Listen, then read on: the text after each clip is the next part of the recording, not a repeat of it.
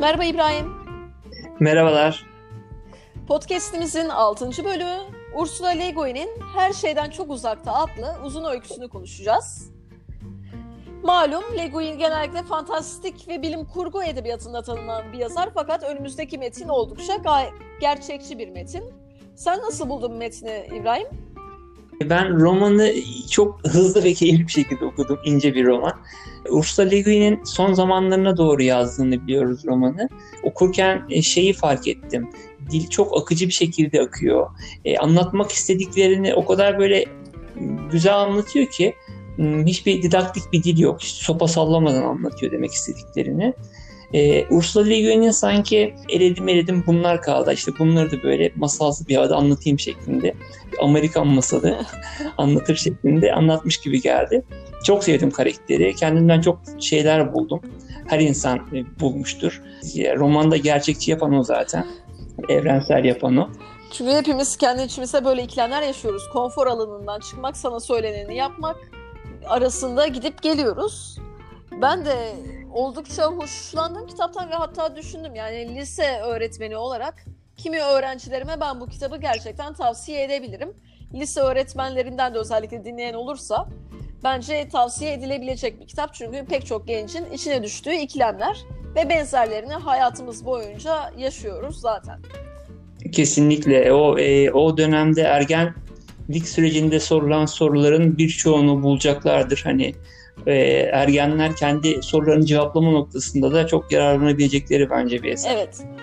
Şimdi kitabın özetine gelecek olursak ana karakterimiz Owen adında ortalama bir Amerika kasabasında yaşayan ortalama bir Amerikalı ailenin tek oğlu. Ancak kendisinin çok ortalama sayılamayacak zevkleri var, ilgi alanları var. Daha entelektüel merakları var çevresinde yaşayan gençlere göre. Bu da zaman içinde onu yalnızlaştırmış ve bir yol ayrımına geliyor 17 yaşıyla beraber. Ya ailesinin istediği gibi eyalet üniversitesine gidecek ya da kendi istediği MIT'ye gidecek. Ve bunun çevresinde kafasına sorular dönüyor. Sıradan bir insan olmakla ve geleceğiyle ilgili sorular bunlar.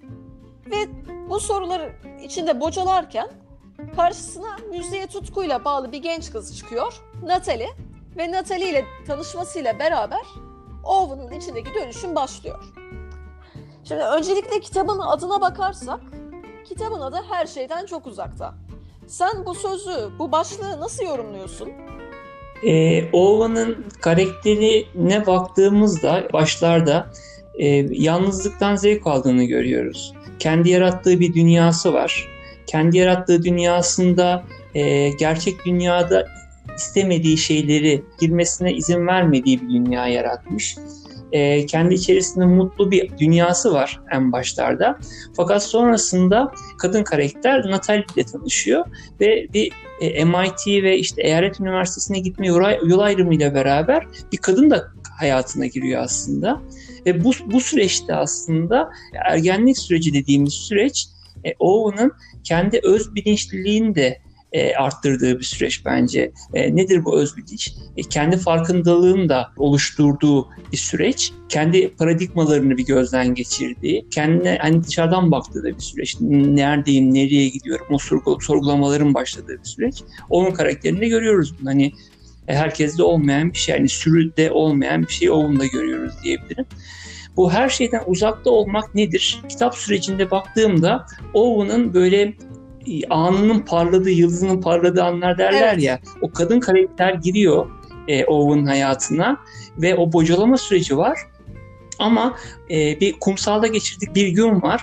O günde Natalia ile beraber her şeyden uzaklaşıyorlar gerçekten. O sorgulamalardan uzaklaşıyorlar. Çünkü o sorgulamalar da Owen'ın kendi içerisinde bulduğu e, kendi dayatılan bir nevi sorgulamalar. Onları tamamen bir yana bıraktıkları, Natalia karakterinde de çünkü çok disiplinli bir müzik eğitimi görüyoruz. Çok disiplinli bir karakter görüyoruz. O da disiplinli bir yanı bırakıyor aslında orada.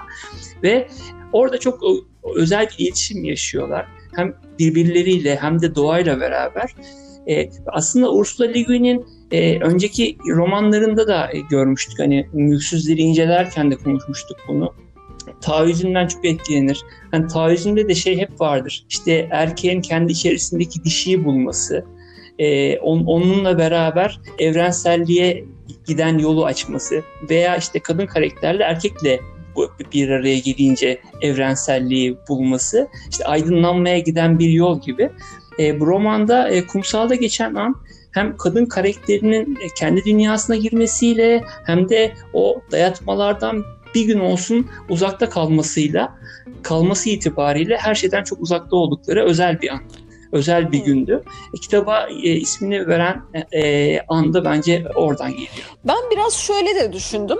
Her şeyden çok uzakta derken Natalie'yi işin içine katmadım. Ve tek başına kalmak olarak düşündüm bunu. Yani kendi içindeki sesi bulabilmek için, kendi arzusunu bulabilmek için, kendi kararlarını verebilmek için tek başına kalması ve uzaklaşması gerekiyor. Çünkü aksi takdirde kentin içindeyken, kasabanın içindeyken daha doğrusu sürekli annesinin, babasının, okuldaki erkek arkadaşlarının sesleri kendi zihninin içine doluyor. Ve onun kararlarını etkiliyor aslında. Onun duygularını yönlendiriyor. Onlar gibi olması, onların söylediği gibi olması gerektiğini düşünüyor. Ve kendi içinde bir baskı hissediyor. Onların düşüncelerini benimsemek için. Aslında bu kendi kendine de yaptığı bir baskı biraz. Fakat kendini bulması gereken bir süreçte başkalarının seslerinden ayıklanması lazım zihninin. O yüzden bir her şeyden uzaklaşıyor. Orada da dediğin gibi kendi içindeki dişil taraf diyebileceğimiz aslında Natalie ile karşılaşıyor. Aslında ben onu biraz da şey olarak okudum. Yani Natalie ile beraber olduğu süreçte aslında kendiyle beraber, sadece Natalie ile beraber değil gibi düşündüm. Evet kesinlikle. Zaten kitabın bir yerinde bir alıntı vardı hatırlarsan. Tekrar güldü ve bana baktı. Sadece bir saniye ama baktı ve gördü. Kendisinin neye benzediğini görmek için bakmıyordu bana. Benim neye benzediğimi görmek için bakıyordu. Benim için son derece sıra dışı bir şeydi bu. Burada e, kendini tanımaya yönelik bir süreç de var aslında karşındakine bakarak. E, onun da vurgusunu yapıyor bence Ursula Le Çünkü orada ilk kez gerçekten kendisini tanımaya çalışan biriyle karşılaşınca büyük ihtimalle kafasında ben kimim sorusu daha belirgin bir şekilde uyanıyor olabilir. Kesinlikle öyle. O benliğinin oluşmasında da e, önemli bir an bence e, Owen karakterinin diğer diğer öğrencilerden farklı olduğunu görüyoruz. Ama bir yandan da onlarla bir arada da olmak da istiyor aslında o. Ee, hani müstehcen fıkralar anlatıyor bir yerde diğer arkadaşlarıyla beraber olabilmek için, onlarla beraber zaman geçirebilmek için. Neden böyle bir güdüsü var onun sence? Neden e, diğer delikanlılar gibi olmaya çalışıyor? Aslında bunu herkes yapmaya çalışıyor bence hani ya da bunu yapmak istiyor bir şekilde zaman zaman. Metnin içine de şöyle bir yer vardı. Diyor ki aslında herkesin yalnız olduğunu ve bunu fark edince paniğe kapılıp kulüplere, derneklere girdiğini anlatıyor. Kendisi de bunu denemiş, ötekiler gibi giyinmiş ve bunu görünmez olmak için yapmış. Hani ben kendiliğimi kaybedeyim, bir grubun içine yer alayım ve biz olayım. Çünkü böyle olduğunda kendini daha güvenli hissedecek. Hani o ben olmak demek, sürüden ayrılmak demek aslında biraz da cesaret işi. Karşılığında yalnız kalacaksın, yalnız ayakta kalabilecek misin? Gibi sorular uyanıyor büyük ihtimalle insanın içinde. O yüzden kendiliğini keşfetmek istemiyor pek çok insan. Hadi diğerleri gibi olayım da en azından yalnız kalmayayım diye. Şimdi Owen'da da benzer şeyler görüyoruz. Mesela spor yapmayı seviyor ama spor hakkında konuşmayı sevmiyor. Fakat diğer gençlerin ilgilendiği şeylerle ilgilenmiş gibi yapmak için spor hakkında konuşuyor. Ama çevresindeki herkes aslında bunun yapmacıklığının farkında. Çünkü iyi rol de yapmayı beceremiyor. Ve zaten başkaları gibi olmaya çalışsa da bunu beceremiyor. Bir ifade var ilgimi çeken. Bazı çocukların içindeki ben duygusu fazla gelişmemiş. Owen'da bu duygu bir sebeple daha fazla gelişmiş. Kendi olma arzusu orijinalliğini koruma arzusu. E, evet bu biraz aslında kendi farkındalığının artmasıyla beraber, kendine yönelttiği sorularla beraber e, diğer insanlar, diğer okuldan arkadaşlarıyla beraber e, ortak paydayı bulamıyor bir nevi. çünkü dediğin gibi bu kendi kendini sorgulama süreci ve işte kendini benim oluşturma diyebiliriz belki de bu süreci. sancılı bir süreç insanın karanlığıyla yüzleştiği bir süreç belki de. E, dolayısıyla birçok insan bu, bu konfor alanından çıkmaktansa, e, konfor alanından çıkıp bu sorularla karşılaşmaktansa tek başına e, bir, bir sürü içerisinde erimeyi tercih ediyor kulüplere ve hatta işte o, hmm, romanda gördüğümüz işte kulüpler var hep böyle yardımseverler evet. kulüpleri, arkadaşlık kulüpleri gibi böyle sanki hani böyle bıyık altından gülerek yazdığı şeyler biraz böyle e, hicivli bir şekilde e, ifade ettiği bence. Bir yandan da şey de var aslında. Hani bir araba var konuşacağız zaten. Bu sporda da e, Owen biraz da şeyi de görüyor aslında. E, gözlem yeteneği de Owen'ın çok fazla var. Hani e, şu yaşadığımız dünyadaki biraz e, yanlışlıkların da farkında. Bir, bir sömürü düzeninin de farkında belki de. Hatta bunun e, bunun kaz ayakları nedir? Hani rekabet, mülkiyet gibi şeyler. Hani araba devreye girince bu mülkiyet tepkisi ortaya çıkıyor onda. Ve sporda da şey görüyordum ben. Sen biraz önce bahsederken aklıma geldi. E, romanda da hissettim bunu. Sporda bizim anladığımız sporda şeydir yani aslında bedenini geliştirmek, beden sağlığından ziyade e, futbol deyince rekabet aklımıza gelir bir, bir, bir yenme yenilme evet, rekabet. e, söz konusu olur. E, onun bence ona da bir tepkisi var. Orada da kendini bulamıyor aslında. O anladığımız tırnak içerisindeki spor içerisinde kendini konumlandıramıyor da bence. Evet o da olabilir. Bir de benim şu nokta dikkatimi çekti. Yani şöyle düşünün. Niye diğer insanlar kendi benliklerini keşfetmeye açık değiller de Owen buna daha açık bir delikanlı. Orada şöyle bir ayrıntı dikkatimi çekti. Bir öğretmeninden bahsediyor. Bayan Cospuel. Ve onunla çalışırken diyor ilk kez yabancı ve tedirgin sahte hissetmemiştim. Bunu şöyle düşündüm İbrahim. Şimdi diğerlerinden farklı olarak şöyle bir şans olmuş olabilir. Kendini yanında kendisi gibi hissedebileceği bir öğretmenle karşılaşmış olması. Ya bu öğretmen için çok özel bir eylem değildir. Bunu kendi tecrübelerimden de bilirim. Bazen bir öğrenciyle ufak bir an paylaşırsın. O an bizim için ufaktır. Biz dikkat etmeyiz ama onun hayatında bir dönüşüme sebep olabilir. Burada da Owen o karakterle, Bayan Coswell'le karşılaşınca belki de kendinde bir cesaret buldu. Hani beni anlayabilecek, yanında samimi davranabileceğim insanlar da var diye bir cesaret bulmuş ve kendini sorgulamaya başlamış da olabilir. E, ilk adım atmasında evet. belki öğretmenin yani en azından bir parça oldu. cesaret uyanmış olabilir orada içinde. Hani ben tuhafım, ben değişmeliyimden ziyade ya beni de anlayan insanlar var düşüncesi kastettiğim. Çok önemli bu. Ya çok evet. değiştirir insanı. Ya kesinlikle haklısın. Yani birçok zaten şeyde görürüz yani böyle e, insanların e, akışlarını değiştiren bir an vardır veya bir kişi vardır, bir söz vardır. Burada da belki öğretmen onun gidişinde bir sapmaya neden olmuş olabilir. Evet belki. önce öğretmen sonra Natalie tabii ki onu perçinliyor. Peki bir araba meselesi var romanın içinde. Delikanlıya babası araba alıyor ve pek çok delikanlı buna sevinecekken Owen bundan hiç hoşnut değil.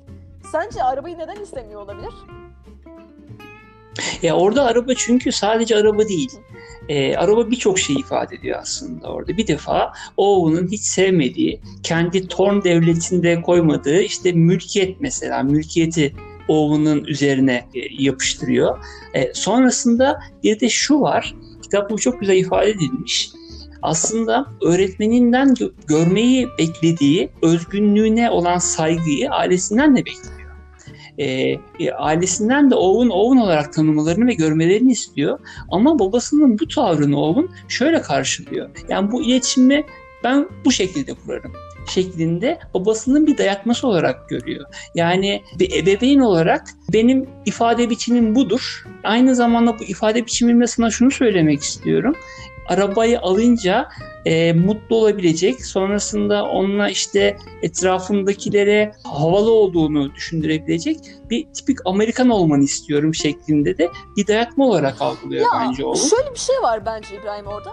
Owen evet bunu bir dayatma olarak algılıyor. Fakat daha sonrasında babasının üniversite konusundaki tutumuna bakınca ben şöyle düşündüm. Aslında orada bir dayatma yok. Fakat babası oğlunun farkında değil. Yani onun fazla tanımaya çalışmamış. yani her Amerikalı yeni yetme arabaya sevinir. Dolayısıyla benim oğlum da tabii ki sevinecek. Hani ben orada dediğim gibi bir dayatmadan ziyade farkında bile değil. Hani ne istiyor benim oğlum? Yani sormamış bile. Zaten babasına diyor orada. Arabayı isteyip istemediğimi hiç sormadın ki. Evet demek aslında o da var. Babası da kendi kendi içerisinde oldu, kendi tabi olduğu dayatmaların farkında değil. Onun bir uzantısı olarak ona, oğluna onu e, yansıtıyor bu şekilde. Araba hediye olarak yansıtıyor. Onun da kötü niyeti olduğunu düşünmüyorum açıkçası. Zaten şöyle bir alıntı var yine metnin içinde. Bu işte üniversite mezunları ile ilgili konuşurken ve babasının annesini sorguluyor bir yandan. Hani onlar nasıl bu topluma bu kadar uyumlular hani bundan şikayet etmeden yaşıyorlar. Kendisini biliyorsun bir sisin içinde hissediyor, önünü göremiyor. Orada kullandığı tabir şu. Ailenin suçu değildi. Her zaman kısmen o sisin içinde yaşıyorlar ve doğruya ulaşmaya çalışmadan pek çok yalanı kabul ediyorlardı. Bu güçlü olduklarını göstermez, aksini gösterir, yani zayıf olduklarını. O halde evet bunun ailesine aslında yani annesinin çok aşırı güvenlikçi bir tarafı var ama babasına özellikle bir dayatmadan ziyade kendisi de zaten kendini hiç ne istediğini sormamış. Oğlunun da ne istiyor olabileceğini düşünmüyor. Çünkü ona göre her insan aynı şeyi ister. Hani bir insanın farklı bir isteği olabileceği büyük ihtimalle adamın aklının ucundan bile pek geçmiyor. Ya peki o zaman örneğin Güneydoğu'da işte genç yaşta çocuğunu evlendirmek isteyen bir baba. O da gayet iyi niyetli bir şekilde hani çocuğun mutlu olsun diye çünkü o yaşta evlendirilen tüm erkeklerin mutlu olduğu düşüncesiyle böyle bir şey çocuğa dayatıyor mesela. O oradan bakınca eğer kriterimiz çocuğun mutlu olduğunu düşünmekse çok da farkı yok yani. Yani evet ama şu var. Bence hani benim çocuğum hani şunu yaparsa mutlu olur. Çünkü zaten herkes bunu yaparsa mutlu olurlar.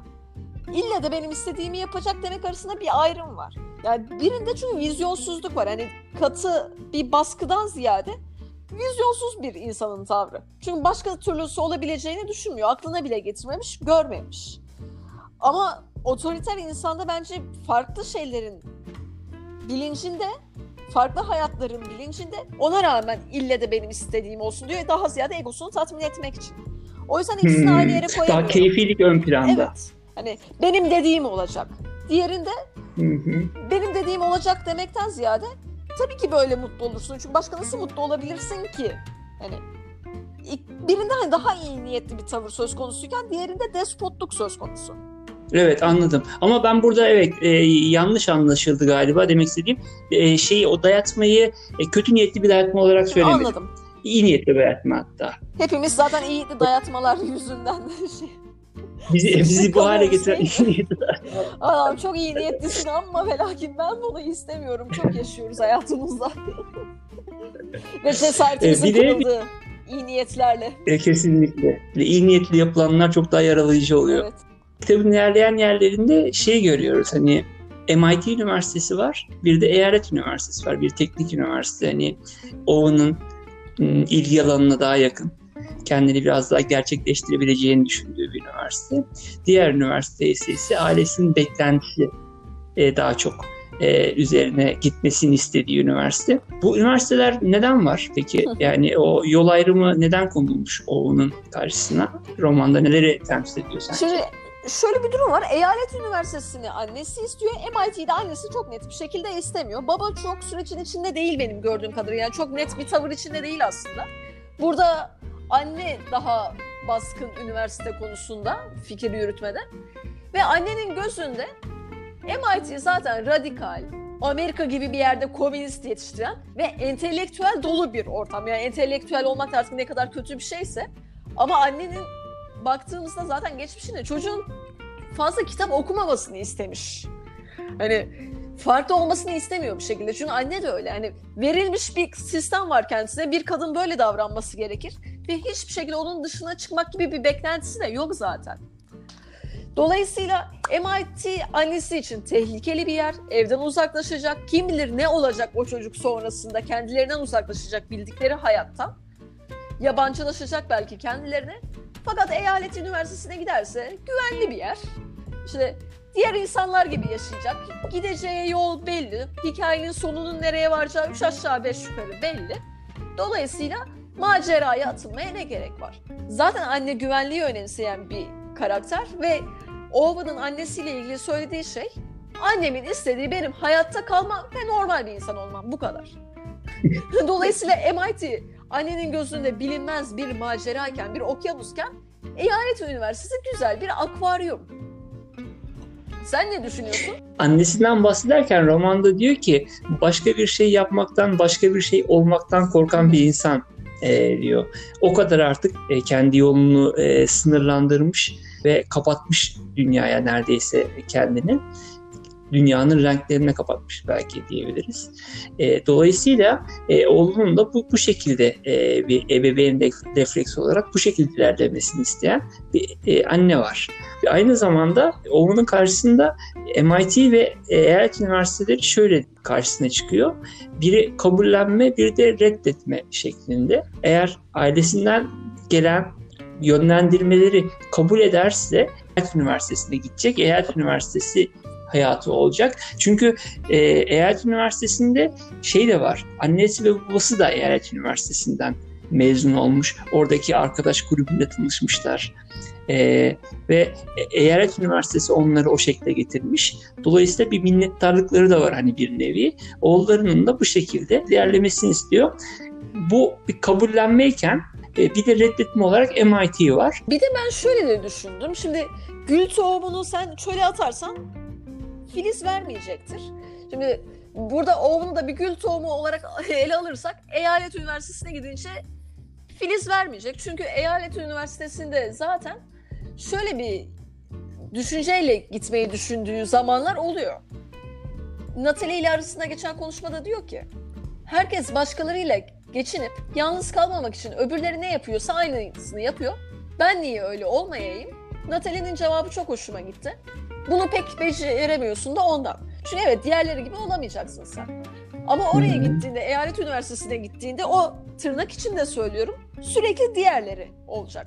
Fakat orada filiz veremeyecek çünkü orada da kendini aynı şekilde tuhaf hissedecek. Beceremeyecek diğerleri gibi olmayı ve sonunda mutsuzluk gelecek aslında. MIT'yi ben biraz şey olarak da okudum orada. Kendisi gibi insanlarla bir arada olma imkanı. Hatta geçenlerde de kurtlarla koşan kadınları okuyordum.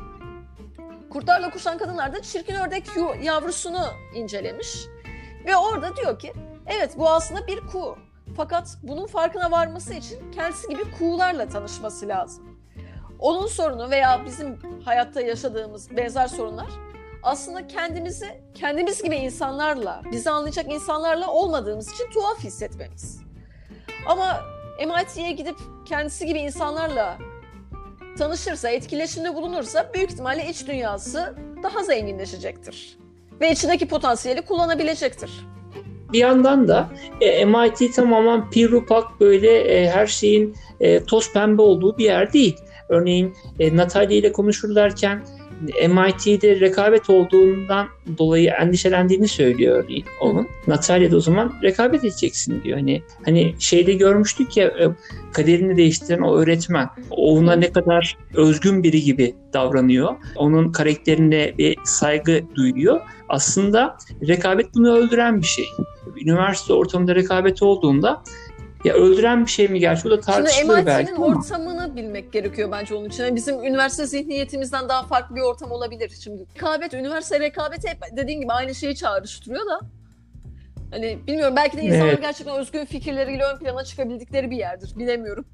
Evet rekabet e, olması özgünün ortaya çıkması amacıyla da kullanılıyor olabilir belki. Burada en, en önemli karakter tabii ki Owen kadar Natalie de önemli bir karakter. Natalie ile beraber Owen değişmeye, dönüşmeye başlıyor. Peki neden sence özellikle Natalie ile beraber başlıyor bu değişim? E, Natalie ile birçok şeye gönderme yaptığını düşünüyorum yazarın. Burada Natalie çok disiplinli işte çalışan, günün bilmem kaç saatinde çalışmak zorunluluğunda olan ve bunun sorumluluğunu hisseden bir karakter. Ve e, kendini var edebilmek için e, bir yandan da beste de yaptığını görüyoruz. Kendini gerçekleştirebilmek için bu disipline sahip olması gerektiğini de söylüyor devamlı. E, bunu şey yapmıyor hiç, aksatmıyor bu çalışmalarını. Buna çok önem verdiğini görüyoruz roman boyunca. Ursula Le Guin'in bence Natalia karakteriyle bir kadın karakteri ve feminizm vurgusu yaptığını da düşünüyorum. Çünkü romanın bir yerinde diyor ki asıl sorun erkeklerin çıkardığı üçüncü sınıf işlerin seviyesine gelebilmek için kadınların kesinlikle birinci sınıf işler yapmak zorunda olmaları. Ee, burada e, bir kadının kadın erkekle aynı seviyeye, aynı e, şartlara gelebilmesi için çok daha çalışması gerektiğini, bu da feminizm vurgusu olduğunu düşünüyorum öncelikle. Onunla beraber Owen'ın kendini tanımasında, kendi zihinsel haritasının incelemesinde, onu zenginleştirmesinde çok yararlı bir karakter olduğunu görüyoruz yani Owen'ın özelinde. Natalie ile beraber bir de şunu görüyoruz. Natalia'dan bahsederken romanda aşık oldum değil, aşık olmaya karar verdim diyor. E, o Natalia'ya olan e, ilişkisinin de aslında bir e, evrim geçirdiğini de görüyoruz. En başta e, Owen'ın entelektüel bir hayata tutunmak için kullandığı bir dal belki de denilebilir. Hayatı böyle algılayınca, her şeyi kavramlar üzerinden algılayınca hani gerçekliğin koptuğu bir dünya da var hani Owen'ın böyle gerçeklik ile kurduğu ilişkisinde. E, bu bağlamda en başta Natalia beraber e, aşık oldum değil, aşık olmaya karar verdim diyor. E, ben kitapta çok özel olduğunu düşündüğüm o kumsalda geçirdikleri günde de e, tutunduğu entelektüel daldan da kopup daha ayakları yere basan gerçekçi bir karaktere doğru Natalia beraber açıldığını e, o özel günde e, olduğunu düşünüyorum. E, Natalia'nın böyle bir işlevi var romanda. Hem e, Owen'ın aydınlanmasına giden diyeyim hani tabiri caizse süreçte önemli bir figür. E, bir de o, Natalia karakterinin üzerinden yazarın bir feminizm vurgusu var. Şimdi benim de Natalie dediklerine katılıyorum. Bir de şöyle bir alıntı dikkatimi çekti mesela. Diyor ki diğer insanlardan bahsediyor. Yine onlar gibi olmaya çalıştığından sonrasında öyle biri olmadığını, hiçbir zaman da olamayacağımı anlamıştım ama ne olacağımı anlamak için yardıma ihtiyacım vardı. Bana bir taş gerekiyordu. Tutunacak, ayakta duracak bir şey. Siz dört bir yandan çörekleniyordu. Şimdi bunlar farklı yerden yaptığım alıntılar ama Owen'ın evet ruh hali bu bir sis içinde gibi hissediyor kendini ve bir taşa ihtiyaç duyuyor. Natalie ile ilgili yaptığı değerlendirmelerde de Natalie evet yapacağın şey bu işte diyor. Natalie kesin net. ve sise atılan bir taş gibi aslında. Natalie eveti var. Evet Natalie'nin hedefi belli. O ne istediğini çok iyi biliyor. O doğrultusunda ilerliyor. Yapacağın şey bu işte. Evet çok net. Taş gibi. Sisin içine atılan taş yani uyandırıcı bir etkisi var Natalie'nin. Aslında kafasındaki o bulanıklığı bir şekilde çözmesini sağlıyor. Daha somutlaştırmasını sağlıyor. Çünkü taş somut bir şey. Ve bence onunla beraber kafasındaki meseleler daha somut bir hale bürünüyor. Ve Natalie ile beraber artık kendi meselesini daha net bir şekilde adlandırıyor. Hatta şöyle bir an var romanda odasına giriyor ve şey diyor. Ben bir aydınım, ben bir aydınım, ben bir aydınım. Hepsinin canı cehenneme. Yani kendisini böyle niteliyor. Ve bunun arkasından kullandığı tabir Ursula Le Guin'in Owen bunu deyince sis aydınlanıyor, aradığı taşı buluyor. Yani kendini tanımlayabiliyor artık. Ne istediğini daha biliyor ve ne istediğini bildiği için o anda gelen cesaretle hepsinin canı cehenneme diyebiliyor. Tabii ki bu bir süre sonrasında yine aksıyor. Çünkü hiçbir karar bir anda böyle pat verilmiyor. Bocalamalar var. Onun dışında evet dediğin gibi feminizm meselesi var. Bu kadınların besteci olamamasından bahsediyorlar. Ve bunu kendini gerçekleştiren kehanete bağlıyor. Çünkü eğer sen bir şeyi zaten başaramayacağını, kadın olduğun için başaramayacağını düşünürsen ki zaten çevrede sana bunu telkin ediyorsa bu düşünceyle beraber gerçekten başaramazsın. Ve olay sonunda şuna gelir. Bak biz sana demiştik zaten başaramadık. Aha gerçek. Bronte kardeşleri de vurgu yapıyor. Orada da mesela şu ilgimi çekti. Şimdi orada üç ya da dört kız kardeş var, bir de erkek kardeş var. Erkek kardeşten bekleniyor sürekli bir şeyler olması ve o büyük ihtimalle bu baskıyla beraber strese girip hiçbir şey başaramıyor fakat kız kardeşlerin romanları hala okunuyor.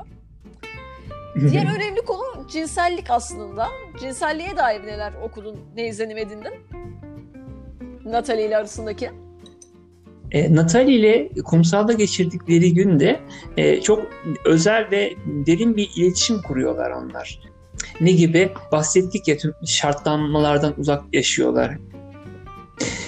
E, yaşamın anlamı nedir diye sorulan soruların bir yararı olmadığına karar verdik.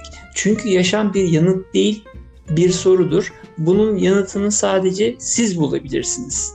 E, şeklinde bir konuşma Evet. geçiyor Natalia aralarında kumsalda geçirdikleri gün. Burada bir yaşamın bir anlamın olmaması bizi bir yükten kurtarıyor. E, nasıl bir yükten kurtarıyor? İşte e, hayatın bir anlamı varsa bizim yapmamız gerekenler var. İşte birçok şeye tabi olmaya başlıyoruz eğer hmm, hayatın anlamı olduğunu düşünmemizle beraber. E, çünkü hayatın anlamı olması bir yapılacaklar bir ödev listesi var gibilerinden. Bir şartlanma ve bir daraltma da getiriyor insanın hayatında.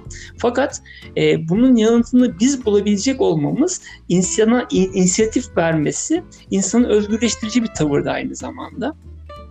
E, dolayısıyla burada bunu konuşmalarından şeyi anlıyoruz. Kendilerine Natalia'nın ve Ova'nın kendi özgünlüklerine e, kendi oldukları gibi yaklaştıkları bir gün olduğunu anlıyoruz e, romanda. E, birbirlerine taş veriyorlar örneğin. Yani onu çok güzel Evet. e, bir, bir şekilde ifade etmiş. Çok çok derin bir ilişki. E, ama bunda e, cinsellik yok. E, fakat e, bir, cinsellik şartlanmışlığı da var toplumda. E, o, o yaşlarda bir kadın ve bir erkek baş başa kalırlarsa başka ne yapabilirler ki gibilerinden bir şartlanma var. E, bu şartlanmayı döndüklerinde Natalia'nın babasının gözlerinde görüyorlar örneğin. Sonra diyorlar ki ha tabii yani hani e, öyle her şey kendi özgünlüğümüz yaşayacağımız, e, kendi hayatımızın inisiyatifini alacağımız bir hayat yok yani hani. Ama bu bu daraltmayı aile getiriyor örneğin burada. Arkadaş çevresi Ee, etkili. Erkek arkadaşlarının sürekli e tabii ki bir kızla beraber sen ne yapabilirsin ki gibi bir düşünce tarzı da var. Yani hem evet ailelerin aklına aslında eşeğin aklına karpuz kabuğu düşürmek gibi bir tavrı var orada babanın. Hem de diğer çocukların yanında, diğer delikanlıların yanında yine kendini tuhaf hissediyor büyük ihtimalle. Bir kızla aramda bir diyalog var, beraber sahile gidiyoruz ama cinselliğin C'si yok muhabbetin içinde. Evet, o özgürlük alanına sonrasında döndüklerinde dediğim gibi işte bu sorgulamalarla arkadaşların arasındaki alaya alınmasıyla beraber bir, bir, bir şartlanma içerisine giriyor belki de diyebiliriz. Ve sonraki kumsal buluşmalarında enteresan olan her şey yerle bir oluyor. Yaklaşamıyorlar. Sonrasında kopuyor her şey zaten. Owen'ın o gecenin sonunda arabasını uçuruma sürüklemesiyle bitiyor o gün. Ve bu aslında bence şunu görüyoruz. Erkek ve kadına dayatılan o kimlikler ilişkileri ne kadar sağlıksız yapıyor. Ölüme götürüyor o.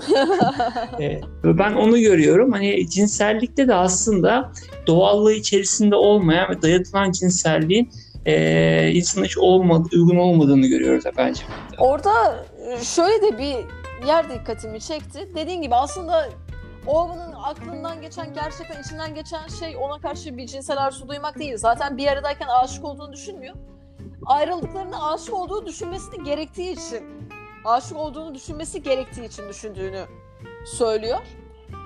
Ve diyor ki önüne gelen size hayatta en önemli şeyin bu olduğunu, ötekilerin hiç önemli olmadığını söyler gibidir. Sürekli cinsel ilişkide bulunmuyorsanız iktidarsız ya da frişitsiniz demektir. Yani aslında kendi istemiyor içten içe fakat istemesi gerektiğini düşünüyor. Yine eğer istemezse kendisini tuhaf hissedecek ve o kendini tuhaf hissetme duygusundan kaçmak istiyor bence yine. Kesinlikle, kesinlikle katılıyorum. E, şu metaforu ben çok sevdim. Ondan hiç bahsetmedim. Sis metaforunu. Aile, aileden bahsederken de sis metaforunu çok iyi kullanıyor.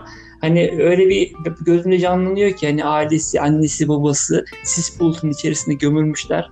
Akşam babası televizyon izliyor, annesi bir şeyler örüyor vesaire. Konuşmadan oturuyorlar böyle. Çok tatsız, keyifsiz böyle bir görüntü canlandı gözümde. Sis perdelerin içerisinde. E, Oğuz'un yaşadığı çalkalanma döneminde de sis metaforunu çok iyi kullanıyor. Natalya ile beraber sisin dağılmasını da çok güzel kullanıyor. Owen şöyle diyor bir yerde romanda. Daha yıllarca yaşamam gerekiyor. Bunu nasıl becereceğimi bilmiyorum. Neden böyle bir beceriksizlik içerisinde hissediyor kendini? Beceremeyeceğini ki yani hayatta herkes herkes yaşıyor bir şekilde. Ee, sen ne anlıyorsun bundan? Benim aklıma gelen aslında onu bir söylemek istiyorum aslında. Bir, e, bir varoluşsal e, bir, bir vurgu olduğunu düşünüyorum burada. Hani varoluşçu da vardır ya insan e, dünyaya atılmış, fırlatılmıştır. Hı hı. Ve yani ne yapacağını bilmez. Kendini yaratması lazım. Burada da e, kendisini yaratmaya başlamadan önce o bunun biraz çaresizliği gibi geldi bana. Ben şöyle de düşündüm. Hani ne yapmak istediğini bilmiyor, ne için yaşamak istediğini bilmiyor, ne için yaşaması gerektiğini bilmiyor. Ve orada Natalie ile aralarında geçen bir diyalogta Natalie şöyle diyor. Kendin için yapmak zorunda olduğun şeyler için müziği duyabilmen için yaşaman gerekiyor.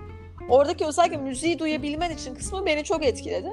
Dediğim gibi aslında dışarıdan görev olarak dayatılan bir hayatın anlamı değil ama kendin için yaşamalısın. O hani hayatın ahengini yakalayabilmek için. Çünkü zaten bir kere dünyaya gelmişsin. Hani erken ayrılmanın bence çok bir alemi yok. Hani bu hayatın bir tadını çıkar. Oradaki müziği bir duy. Ve kendin ol. Kendin için yaşa. Ne olmak ol, istiyorsan hani neyi yapma potansiyelin varsa onu yap. Başka bir şey için değil kendi kendisinin olabileceği aslında e, romanda kendi dünyasını yarattığı bir yer de var. Şey diyor daha önce de e, olduğu yüce anlarım bir kez çöl ortasında yıldızlar altında e, ekseni üzerinde dönen yer yuvarlağına döndüğüm gün diyor. Ha işte Örneğin... müziği duyabilmek derken bence tam olarak kastedilen şey o. Yüce anları yaşamak. Daha fazla yaşamak hayatta. O yüce anları yaşıyor değil mi kendi yarattığı dünyasında evet, aslında? Evet yaşıyor ve bence yaşamaya devam edecek. Ama niye peki bu e, kendi e, kendi zenginliği var, beceremeyeceği e, bu kendi dünyasını dışarıyla beraber barış içerisinde yaşatmak mı acaba? Beceremeyeceğini düşündüğü şey nedir? Kendi dünyasındaki hırsızlığından bir kapatılma içerisine girecek. Yani rekabetin, mülkiyetin olduğu bir dünya içerisine girecek. Bunlara katlanamayacağını düşünüyor. E, arabaya sahip olmayacağım diyor. Araba bana sahip olacak diyor örneğin. E, bu bu daraltılmışlıktan bu e, hareket alanının, manevra alanının e, kısıtlanmışlığından dolayı beceremeyeceğini düşünüyor e, gibi geldi. Ama nihayetine baktığımızda aslında roman şöyle başlıyor. Bir şey başardım ama ne olduğunu bilmiyorum. Yani tam olarak kendi içinde yaşadığı değişimin farkında değil ama bir şey başarmış. Yani belki de başardığı şey bu daha yıllarca nasıl yaşamay- yaşaması gerektiğini öğreniyor. Bunu nasıl becereceğini öğreniyor. Belki de bunu başardı. Ve nihayetinde bence başardığı şey evet kendini o ortamdan kurtarmak ve kendi içindeki potansiyeli değerlendirmek üzere kendini yönlendirmek. Yani kendi isteklerini, kendi arzularını keşfetmek ve kendini gerçekleştirme cesaretine doğru, maceraya doğru atılmak. Bir de bunun tersi de bir cesaret aslında. Hani bir tabir var. Çok hoşuma gidiyor. Kendini gerçekleştirmeme cesareti. Eğer eyalet üniversitesine gitseydi kendini gerçekleştirmeme cesaretini göze almış olacaktı. Burada tam tersi. Maceraya atılmayı göze alıyor bir şekilde kendisine öğretilen, kendisine dayatılan bütün düşüncelerden sıyrılmayı başarıyor. Ve bu bence en büyük başarılardan biri zaten insanın hayatında romanın bitişinde de ne diyor? Elimden geldiği kadarıyla bir insanı oynamaya koyuldum. Yani kendini hı hı. evet yine diğer insanlardan ayrı tutuyor bazı özelliklerinden dolayı ama gerektiğinde de rol yapmayı elimden geldiğince başaracağım diyor. Hani evet hani bir noktada da onu kabulleniyor belki. Biraz daha politik bir tavır. E, ama kendini e, gerçekleştirme adında bir inisiyatif de alıyor. Ki, evet. O atılması gereken adımda yani atıyor. Bence biraz şey yapıyor. Oyunun kuralı buysa ben de oyunun kuralına göre oynayacağım ama oyunun sonunda kendi istediğim yere varacağım. E, Fransız yönetmen e, François Truffaut'un e, bir sözü var. O aklıma geldi roman okurken. E, o şöyle diyor. E, çocukluk ve ilk gençlik dönemini iyi hatırlayanların hafızası iyi değildir diyor. Yani e, o dönemler e, iyi geçirilen dönemler değildir genelde. Çok sancılı dönemlerdir hakikaten. E, kendi e, örneklerimizden de biliriz. Sancılı olması gerekiyor Ve bence. Gerekiyor ve böyle ne kadar sancılı geçirirsek de o kadar da verimli olduğunu görüyoruz. E, o süreç zorlu bir süreç olduğunu gösteriyor aslında. O anlamıyla gerçekçi bir roman. Ben o yanını çok ben sevdim. gelgitleri çok Ee, beğendim. Hani bir anda tamam karar verdim. Ben kendimi buldum, oldu bitti değil. Hani hep bir gelgit hali var ve büyük ihtimalle MIT'ye gittiği zaman da zaten o gelgitler sürekli devam edecek hayatın içinde. Evet, bitmeyen bir Evet. süreç aslında bu. Teşekkür ediyoruz. Bir dahaki kitabımız yine Ursula Le Guin üzerine olacak. Ursula Le Guin'in eserlerinden gideceğiz bir süre. Ayrıca yorum yapmak isteyenler olursa Instagram sayfasından bize ulaşabilirler. Teşekkür ediyoruz dinlediğiniz için. Görüşmek üzere. Görüşmek üzere.